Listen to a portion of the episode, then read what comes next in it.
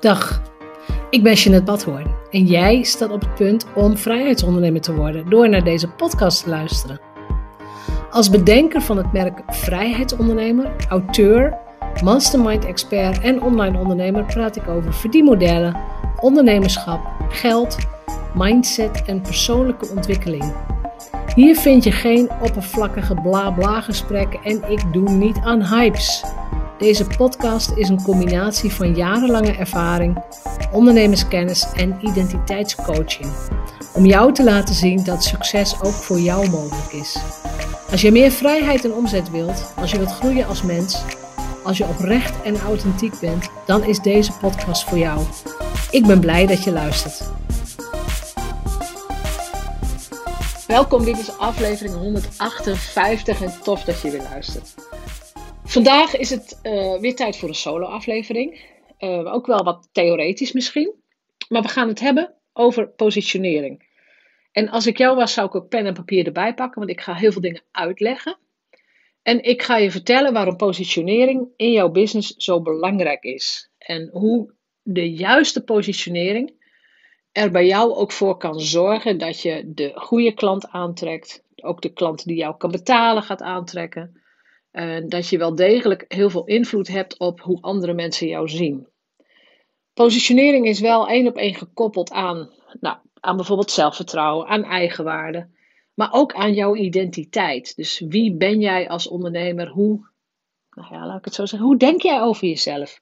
Hoe zie jij jezelf? En hoe ga je dat naar de buitenwereld vertalen? Realiseer je inderdaad dat positionering een een hele gunstige invloed kan hebben op nou hoe een ander jou ziet. En dat je ook invloed hebt op die perceptie.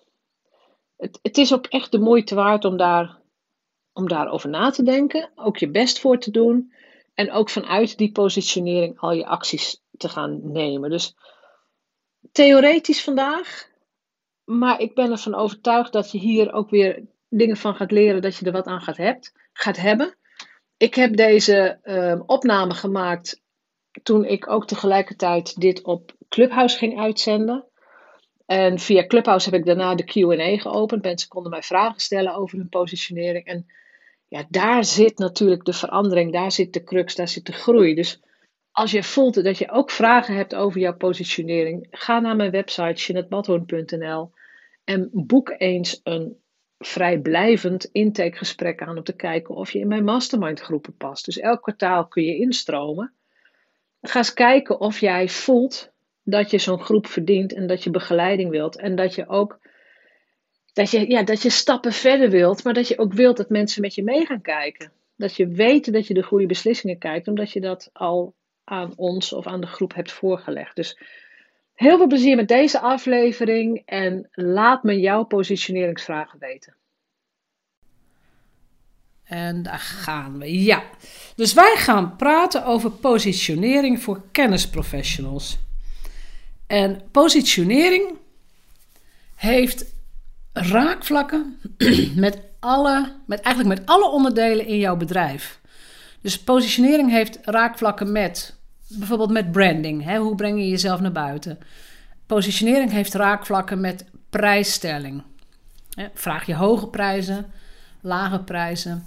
Positionering heeft te maken met uh, het soort klant dat je aantrekt. Wil je één elite klant of wil je duizend uh, massaklanten?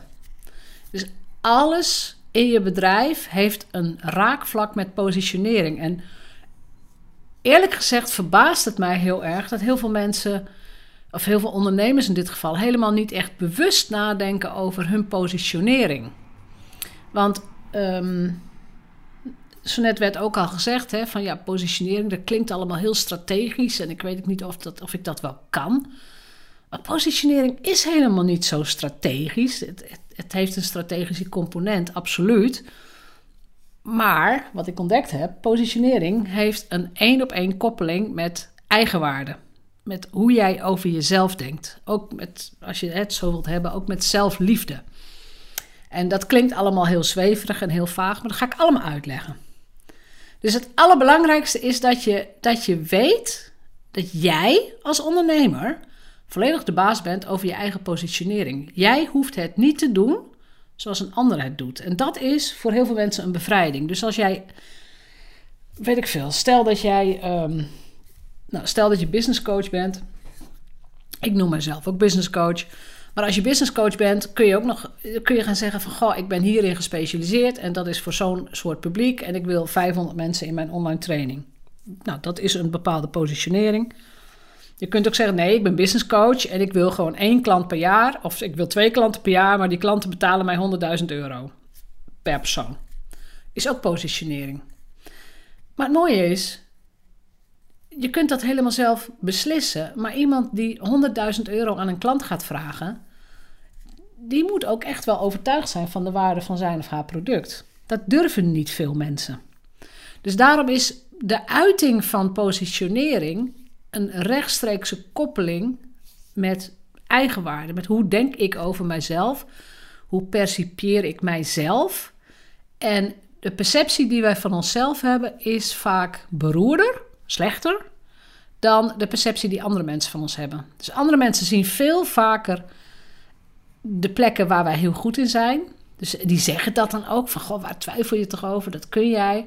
Dus anderen zien veel vaker de potentie in ons dan dat wij zelf zien.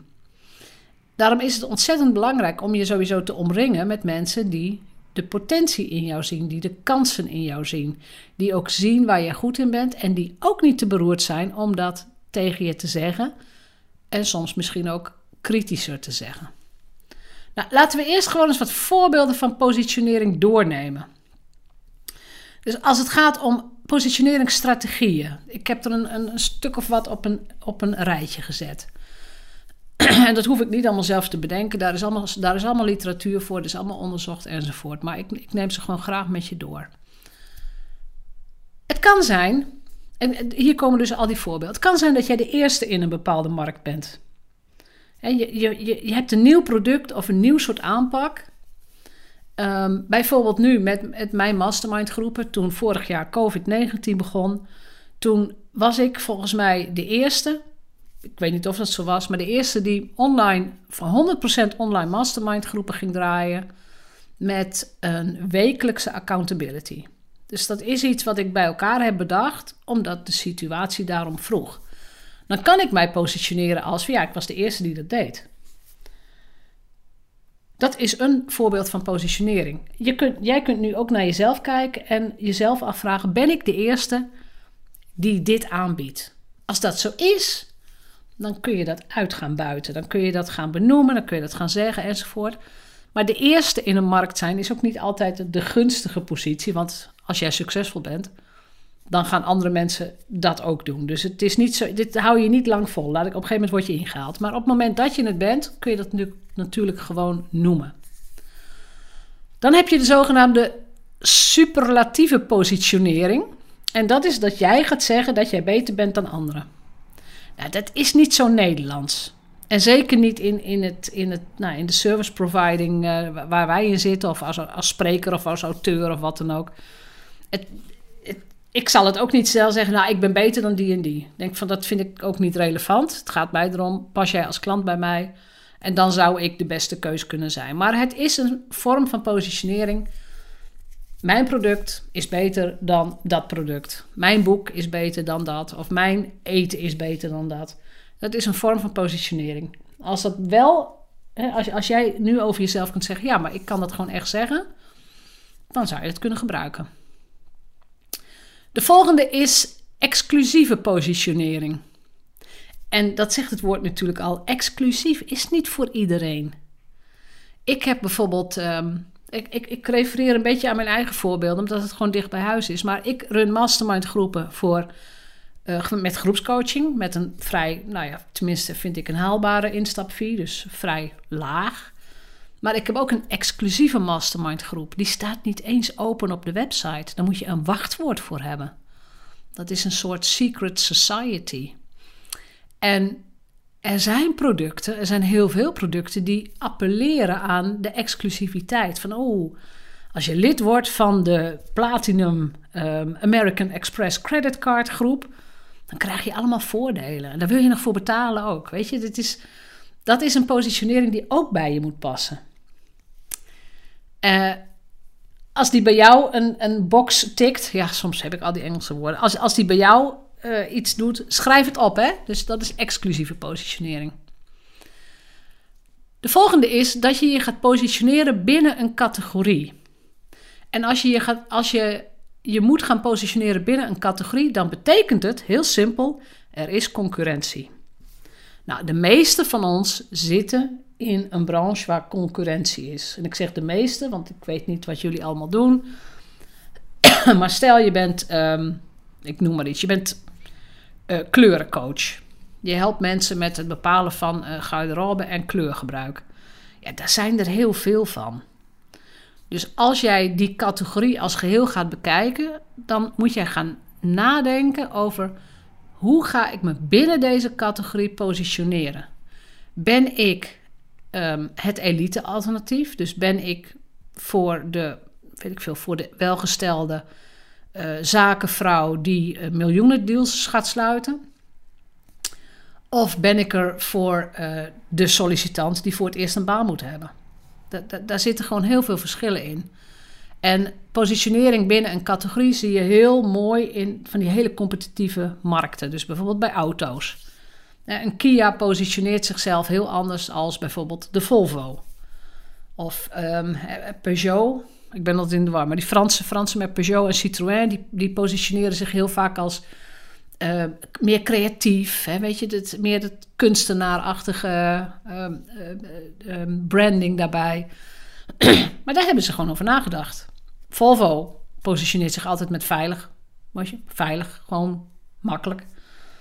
Uh, en dat dan die Volvo duurder is, dat weten we allemaal. Dus op een gegeven moment krijg je daar ook associaties mee. Dus voor jezelf betekent dit, ben jij in jouw, in jouw branche of in jouw categorie, ben jij de, de, de, Volvo of ben je de Kia, ik noem maar iets, of de Hyundai of wat dan ook.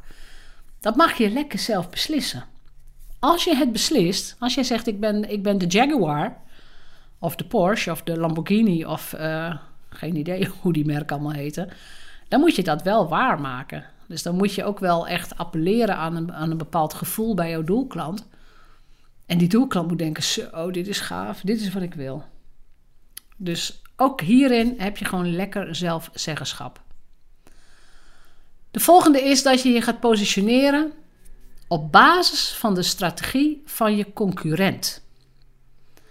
En dat is wel echt interessant.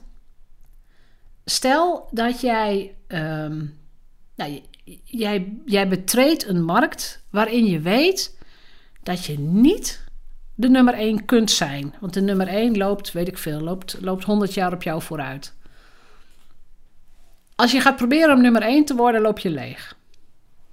Maar wat je bijvoorbeeld zou kunnen zeggen van... Uh, nou, weet ik veel, nummer 1, 2 en 3 haal ik toch niet in. Ik ben nummer 4 in de markt of ik ben, ik ben uh, de nieuwste in de markt. En daarom doe ik beter mijn best. En daarom krijg je van mij meer. En daarom, eh, eh, bijvoorbeeld als business coach, daarom scheep ik jou niet af met een online training. Dus je kunt je positie in de markt gebruiken om je marketingtekst op te bouwen. Ik zie het niet veel in Nederland, maar het is wel leuk, vind ik. De volgende is een positionering en die zie ik heel erg veel. Positionering op basis van de productvoordelen. En dan krijg je van die bekende lijstjes op websites van... Um, je krijgt zoveel modules, je krijgt zoveel uren, je krijgt zoveel boeken, je krijgt zoveel video's, je krijgt dit, je krijgt dat. Het is de vraag of dat tegenwoordig genoeg is. Want weet je, als je enigszins inwisselbaar bent, dan ga je het verschil niet helemaal maken met, met productvoordelen. Dus als mensen bijvoorbeeld gaan kijken, stel je zoekt, je zoekt een business coach, ja, er zijn er weet ik veel, er zijn er heel veel. Waar gaan mensen dan naar kijken? Natuurlijk kijken ze naar prijs, ze kijken misschien naar lengte van een programma. Maar waar voornamelijk naar gekeken wordt, is personality, persoonlijkheid, ervaringsjaren, de persoonlijke klik die er is. Dus dit is echt, als je zegt van ik heb een product en dat product onderscheidt zich van andere producten, dan kun je deze prima gebruiken. Voor een kennisprofessional vind ik deze tricky. Het zal niet mijn aan te raden strategie zijn. Je kunt je ook positioneren op een op iets unieks wat jij aanbiedt. Dus ik heb natuurlijk een tijd lang, ja, ik zeg natuurlijk, maar heel veel van jullie kennen mij helemaal misschien niet. Ik heb een paar jaar lang mijn mastermind groepen aangeboden met een transatlantische cruise. En op het moment dat je een jaar lang in een mastermind groep stapte, dan, dan kreeg je die transatlantische cruise tegen kostprijs erbij. Dus dan ging je met mij de oceaan over. Dat is iets unieks in mijn aanbod geweest. Op dit moment is dat aanbod natuurlijk volledig weg, dat zul je snappen. Maar dat is iets geweest waar, waarop ik mij heb gepositioneerd. Uh, en dat heeft ook twee jaar lang heel erg goed gewerkt. Laten we wel zijn. Dat is ook twee jaar lang gewoon echt heel fijn geweest. Maar nu, uh, nee, nu is dat niet meer aan de orde. En ik ga er ook niet weer naar terug. Want het was ook veel werk en veel gedoe. Dus dat doe ik ook niet meer. Dan heb je positionering voor het gebruik van je product. En die is als kennisprofessional wat lastiger. Maar ik ga hem uitleggen aan de hand van chocola. Iedereen, denk ik, iedereen. Ik, ik hoop dat je het weet, maar iedereen kent de dozen Merci. En ik weet niet of jullie dat doorhebben, maar de naam Merci is briljant, maar dan ook echt briljant gekozen. Want op het moment dat jij iemand moet bedanken die je misschien niet zo heel goed kent, weet je, als je voor het eerst naar je schoonouders gaat, of nou ja, allemaal, eh, allemaal situaties waarvan je denkt, ja, ik wil wel iets meenemen. Ik ken ze niet zo heel goed en ze vinden chocola vast wel lekker. Dan, dan is een doos Merci, als je dan toch chocola zou doen, dan pakken heel veel mensen een doos Merci, omdat het erop staat. En dat is echt heel grappig, want jongens, het is niks anders dan een beetje chocola met smaakjes. Dus je kunt ook een Tony Chocolonely pakken of je kunt ook iets anders pakken. Maar dat, dat, doet, dat doet het niet. Dat werkt niet. Dus zij hebben zich echt gepositioneerd als... onze chocola moet je kopen als je iemand wilt bedanken. Nou, ik vind het briljant. Want bedoel, voor jezelf koop je het niet. Voor jezelf ga je andere chocola kopen. Maar wil je iemand bedanken, dan kom je ineens met zo'n grote doos aan. Dus als je daar iets mee kunt, met, eh, met inderdaad, heb jij een product of heb jij een, een bepaald gebruik wat, wat veel voorkomt, waarvan je denkt van ja, dan moet je mij hebben, dan is dit een hele goede positionering. De volgende positionering is, en dit is een van mijn favorieten, prijs. Ben jij een Rolls Royce of ben jij een Kia? Ik bedoel, auto's gebruik ik vaak omdat het zo gemakkelijk te begrijpen is. Maar ben jij een kennisprofessional waarbij ik minimaal 10.000 euro moet betalen om met jou te werken? Of ben jij een kennisprofessional die, weet ik veel, 100 online trainingen heeft, die allemaal 49 euro per stuk kosten? Dus ben jij een premium brand of een economy brand? Je beslist het wel zelf, maar hier komt eigenwaarde om de hoek kijken. Dus hier, dit, hier is eigenwaarde heel erg belangrijk bij. Maar prijs is voor kennisprofessionals een van de vind ik een van de beste positioneringstools.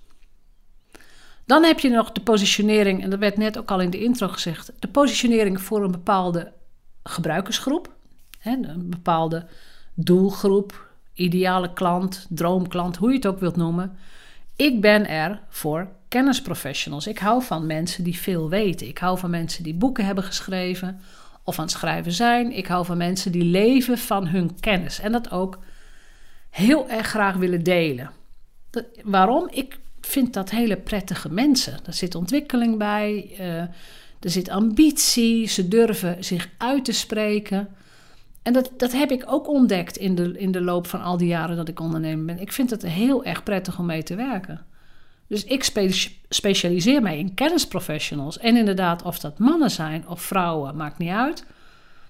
Leeftijd, op zich maakt het niet uit, maar ik merk dat mijn, mijn doelklant begint bij 35. En, nou ja, en, en dat kan alle kanten op. Branche maakt ook niet heel erg veel uit, als ze maar van hun kennis leven. En ik kan me heel goed voorstellen van de mensen die nu luisteren dat prijs en doelklant hele belangrijke positionering tools gaan zijn.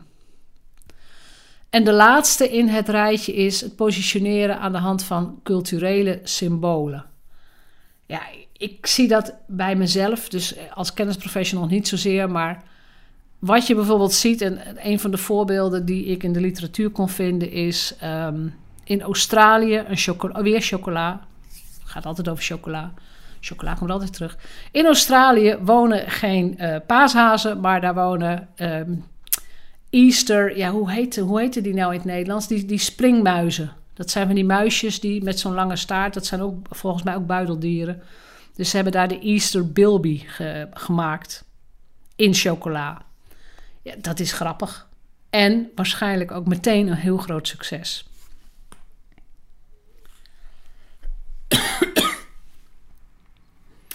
Dus dit zijn de verschillende vormen van positionering die ik in de literatuur heb gevonden en die ik ook voor een deel kan vertalen naar kennisprofessionals. En ze zijn niet allemaal van toepassing. Dus als ik ga kijken op prijs- en doelklant, ja. Exclusief, ja. Ehm, ben je de eerste? Kun je er nog even gebruik van maken? Deze doen het heel goed. Dan, dan wil ik nu met jullie gaan. Ik, ik heb geen idee of jullie allemaal kennisprofessionals zijn. Hè? Dat weet ik niet. Ik, ik kijk ondertussen ook niet naar de profielen, omdat ik me echt wil concentreren op het verhaal. Maar stuur mij een DM'tje in Instagram. Wat voor soort ondernemer ben je? Wat voor soort uh, kennisprofessionals? Want ik wil graag die oefeningen met jullie doen. En die oefening over positioneren gaat over een speelveld. Denk bijvoorbeeld aan voetbal. Jongens, we gaan even voetballen met z'n allen. Jongens en meisjes en dames en heren, we gaan even voetballen met z'n allen. Denk aan een speelveld met voetballers. En daarna komt er nog een andere vraag overheen. Maar laten we, de, laten we het voetbalveld. Heb je hem voor je? Heb je het voetbalveld voor je? Laten we het voetbalveld eens even voor onze geest halen. En we focussen ons op één team.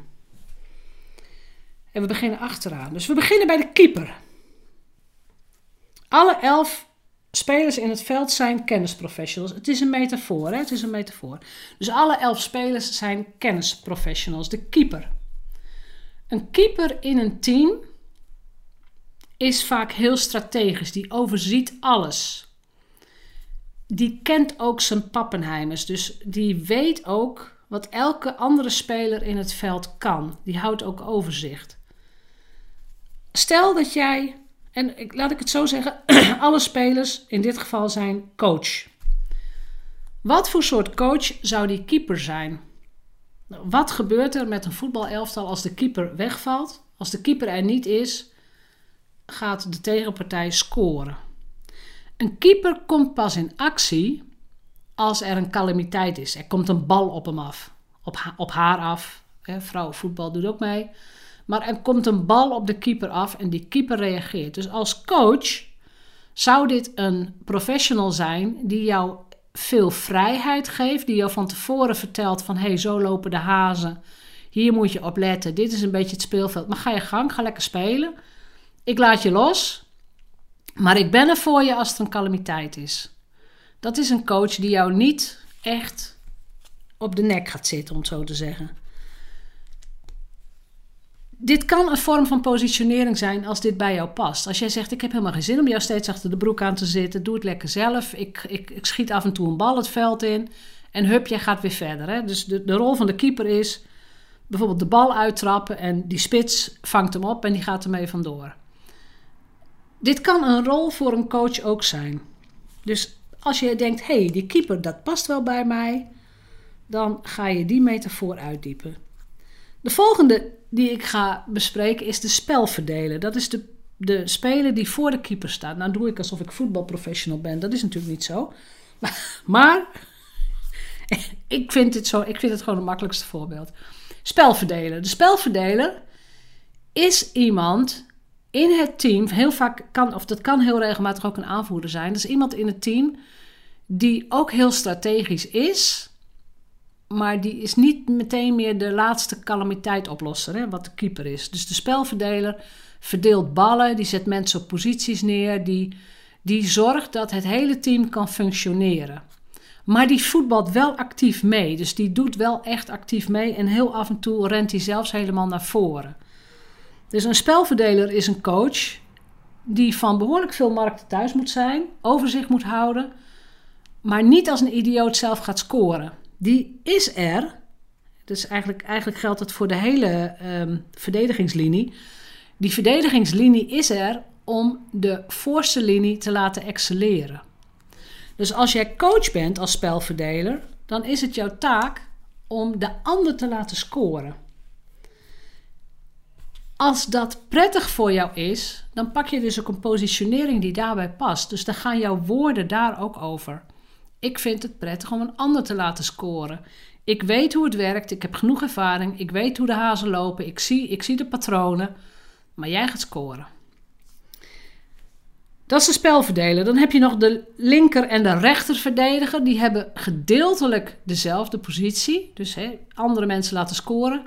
Als ik het even vergelijk naar coachachtige personen, business coachachtige personen, dan hebben ze bijvoorbeeld een specialiteit. Dus de ene coach weet ook inderdaad van, eh, ik ben er om jou te laten scoren, maar uh, ik heb heel veel verstand van, weet ik veel, van copywriting, daar kan ik je mee helpen.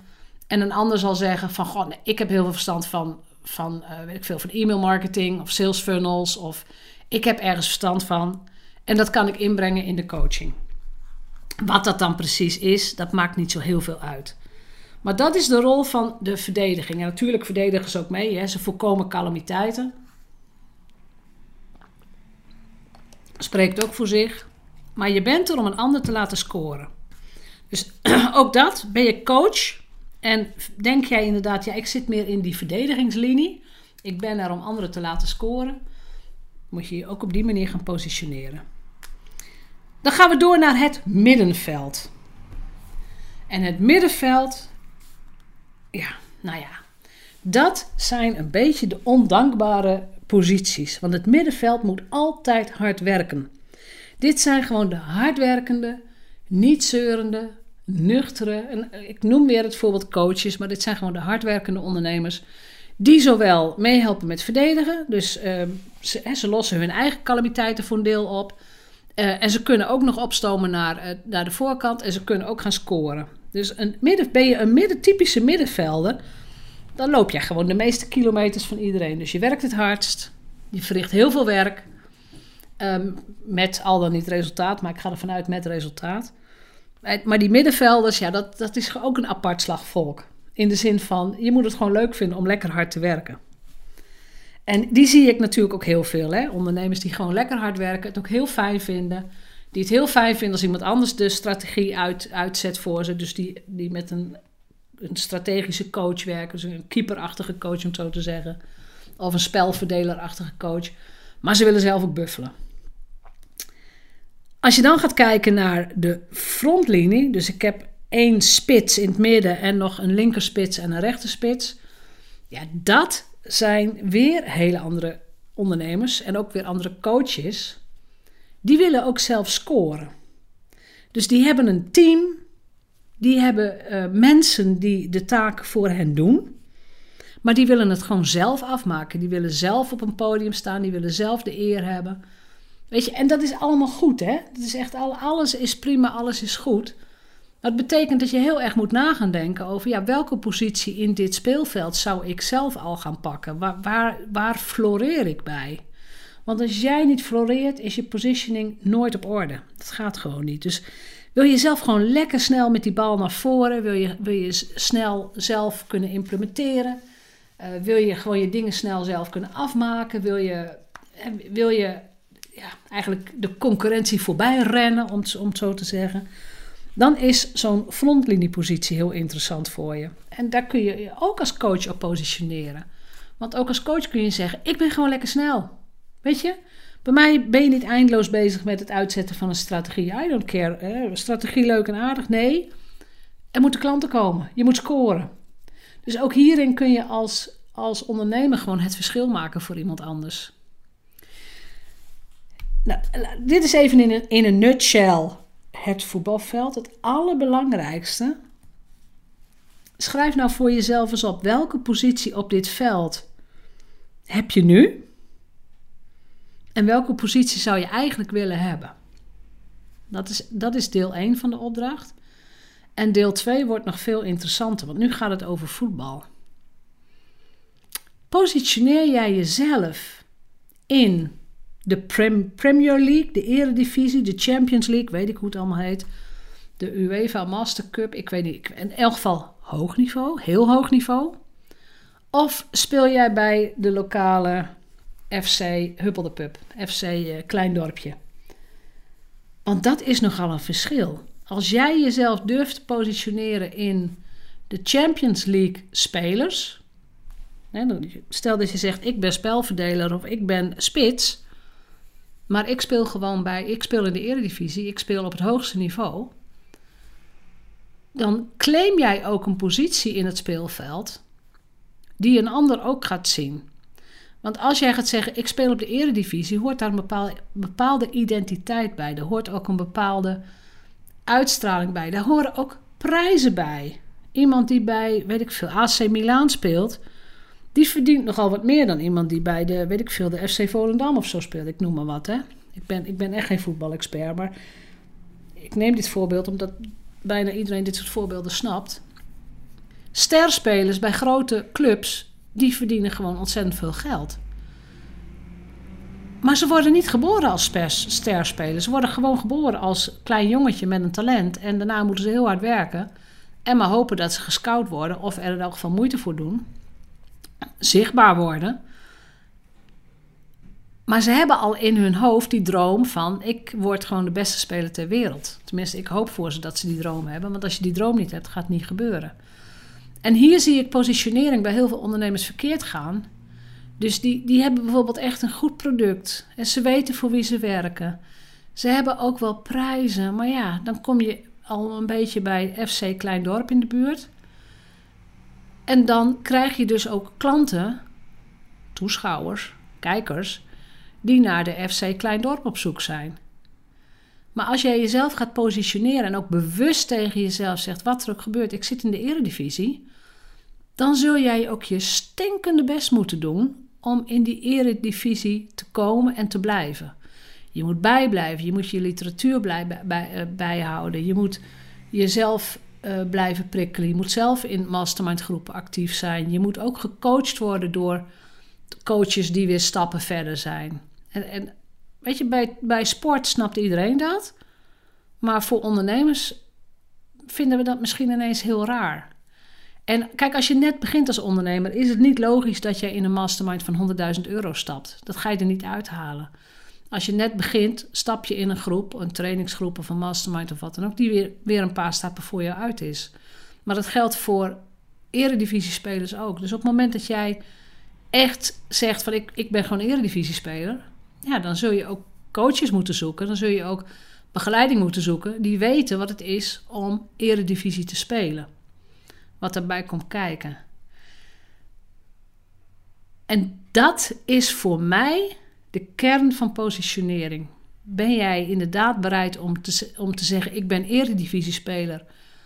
Uh, dat betekent ook dat ik dingen moet gaan opofferen. Hè? Tijd misschien. Of je moet je klanten ontslaan. Of je moet uit een samenwerking stappen. Of nou, er kan van alles gebeuren. Dus ben je bereid om die stappen te gaan nemen? Of zeg jij nee, ik vind het eigenlijk prima zoals het gaat. En ik vind het helemaal goed als ik... Ik zit nu misschien in de FC eh, Klein Dorpje. En ik wil nog wel eens doorgroeien naar de FC eh, Stad. Prima. Meer dan dat wil ik ook helemaal niet. Maar daar hangt je hele positionering omheen. Dus ik ben ontzettend benieuwd... als je hier naar hebt geluisterd... Van, waar, waar zou jij je thuis voelen... En als je het durft op te schrijven, waar zit dan ook meteen jouw weerstand? Waar, gaat waar, waar zie jij je eigen blokkade? Waar zie jij ook jouw positionering scheef lopen bijvoorbeeld? Zeker als je het vergelijkt met andere mensen. En wat zou je aan mij willen vragen? Daar ben ik heel erg benieuwd naar. Bedankt voor het luisteren naar de Vrijheidsondernemers Show. Geef de show een review op iTunes. Als vrijheidsondernemer werk je waar, wanneer en met wie jij wilt. Dat gun ik jou ook. Ik weet dat het kan. En bij de juiste keuzes is vrijheid ook voor jou mogelijk. Op jouw vrijheid. Oh ja, laat een review achter op iTunes. Abonneer je op deze podcast. En laat mij weten wat je ervan vindt.